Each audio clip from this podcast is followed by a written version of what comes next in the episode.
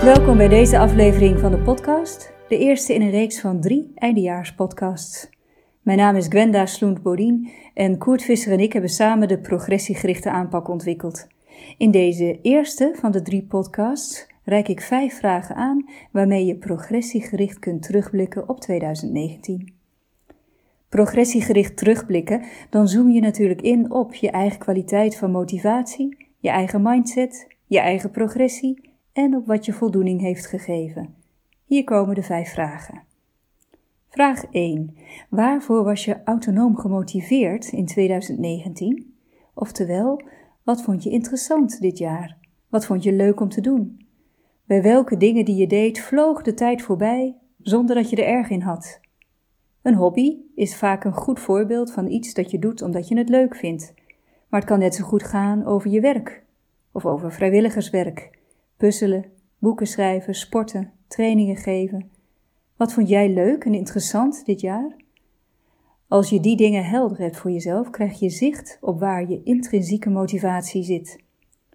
Je kunt herkennen dat je ergens intrinsiek voor gemotiveerd bent wanneer je aandacht er als vanzelf naartoe gaat, je er graag tijd aan besteedt en je de energie van krijgt als je ermee bezig bent. Het is heel prettig, maar ook heel nuttig om te weten waar je interesse naar uitgaat. Want intrinsieke motivatie is niet alleen fijn voor jezelf, het leidt ook tot diepgaande leren en beter presteren. Maar wat je interesseert is niet het enige waarnaar je kijkt als je de vraag wilt beantwoorden waarvoor je autonoom gemotiveerd was in 2019. Het tweede waarop je reflecteert is wat vond je belangrijk en waardevol om te doen. Dus niet zozeer wat vond je leuk, maar wel wat wilde je echt doen omdat je het belang en de waarde ervan zag. Uren in de auto zitten omdat je graag op die bruiloft van je vriend wil zijn. Iemand helpen met het uitzoeken van dienstadministratie. Schoonmaken omdat je een opgeruimd huis prettig vindt om in te wonen.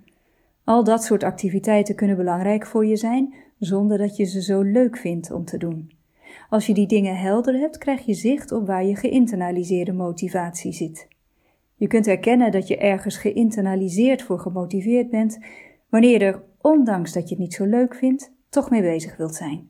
En je krijgt er ook voldoening uit wanneer je de tijd aan hebt besteed. Het is heel prettig en ook heel nuttig om te weten wat je waardevol en belangrijk vindt.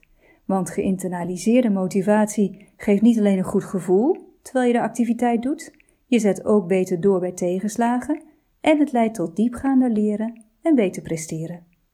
Dus waarom deze eerste vraag? Waarvoor was je autonoom gemotiveerd in 2019? Nou, als je je tijd grotendeels besteedt aan de dingen die je interessant of waardevol en belangrijk vindt, dan komt het jouw welbevinden ten goede, maar ook het welbevinden van de mensen om je heen. Vraag 2. Waarvoor was je gecontroleerd gemotiveerd in 2019?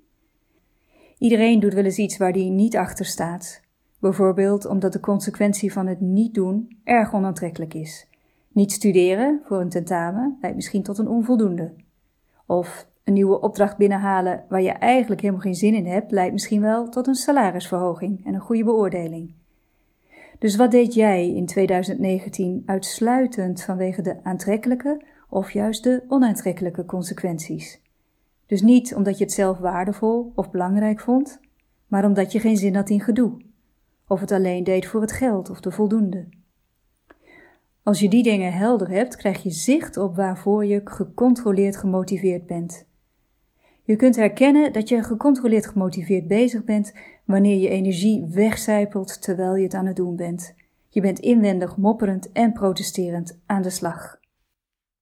Je vindt het vervelend, saai, stom, nutteloos en je bent misschien wel een beetje boos van binnen. Je kijkt hoe je je er zo snel mogelijk van af kunt maken, met zo min mogelijk inspanning. Misschien zelfs door een beetje te sjoemelen. Een excuus om vroeg naar huis te gaan, je hebt hoofdpijn of zo. Dus waarom deze tweede vraag? Als je je tijd grotendeels besteedt aan dingen die je niet belangrijk of interessant vindt, maar uitsluitend voor de positieve of negatieve consequenties, wanneer je ze doet of niet doet, dan put dit je op den duur uit. Het komt je welbevinden niet ten goede. Dat is niet prettig voor jezelf, maar ook niet voor de mensen om je heen. Als je merkt dat je ergens gecontroleerd voor gemotiveerd bent en je kunt er toch niet omheen om het te doen, probeer dan eens je eigen kwaliteit van motivatie te verhogen. Dus ga bijvoorbeeld onderzoeken wat het belang van de activiteit is, wat het goede ervan is voor de samenleving, de klant, je ouders, je kinderen, jezelf. Door te onderzoeken wat de waarde en het belang van iets is, kun je opschuiven naar geïnternaliseerde motivatie. Vraag 3. Waar ben je beter in geworden? Wat kun je nu, aan het einde van 2019, beter dan aan het begin? Waar ben je beter in geworden terwijl je bij de start van het jaar niet had gedacht dat het je zou kunnen lukken om er beter in te worden? Is dat misschien een sport of het schrijven van memo's? Of is het team waarin je werkt erin geslaagd om, ondanks alles, toch beter met elkaar te gaan samenwerken? Als je weer te binnen is geschoten waar je nu wel redelijk goed in functioneert, terwijl je aan het begin van 2019 nooit had gedacht dat je dat zou kunnen leren, bedenk dan eens hoe heb je die groei voor elkaar gekregen? Wat heeft er met name goed voor je gewerkt om er beter in te worden? Welke mensen, welke faciliteiten, welke factoren, welke dingen hebben juist geholpen? Waarom deze derde vraag? Je krijgt iets meer een groeimindset bij de beantwoording van deze vragen omdat je nadenkt over iets waarvan je niet had gedacht dat je er beter in zou kunnen worden, versterk je je eigen overtuigingen dat je in staat bent om vooruit te komen en krijg je zicht op hoe je dat kunt doen. Een groeimindset ontwikkelen is een goed idee, omdat je veel ontspannender omgaat met tegenslagen en met falen, beter gaat samenwerken, anderen hun successen gaat gunnen en het enorme plezier van nieuwe dingen leren en beter worden gaat ervaren. Vraag 4. Wat heeft je voldoening gegeven in 2019? Aan welke dingen die er zijn gebeurd of die je hebt gedaan, denk je met warme gevoelens terug? Waar word je blij van als je er weer aan denkt? Welke mooie herinneringen heb je aan 2019? Waarom deze vraag? Het is natuurlijk gewoon fijn om even na te denken over wat je voldoening heeft gegeven.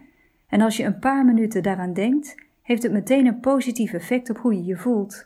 En met positieve emoties kun je de dingen die je vandaag moet doen net wat beter aan. En positieve emoties zijn natuurlijk ook gewoon in zichzelf prettig. Vraag 5.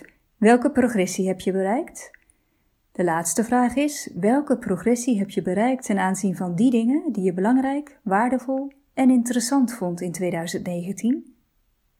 Welke vooruitgang heb je ten aanzien van die dingen geboekt? Er is niks zo motiverend voor mensen als vooruitkomen in de dingen waarvoor ze autonoom gemotiveerd zijn, dus de dingen die ze betekenisvol vinden. Maar als je niet zo nu en dan even nadenkt over welke progressie je hebt geboekt, dan kun je heel gemakkelijk vergeten wat je allemaal hebt bereikt dit jaar. En in plaats daarvan vooral nadenken over wat er allemaal nog moet gebeuren en wat je allemaal nog wil bereiken. Dus sluit dit jaar eens af door op een rijtje te zetten welke progressie je hebt geboekt. Ik wed dat je er optimistischer van wordt.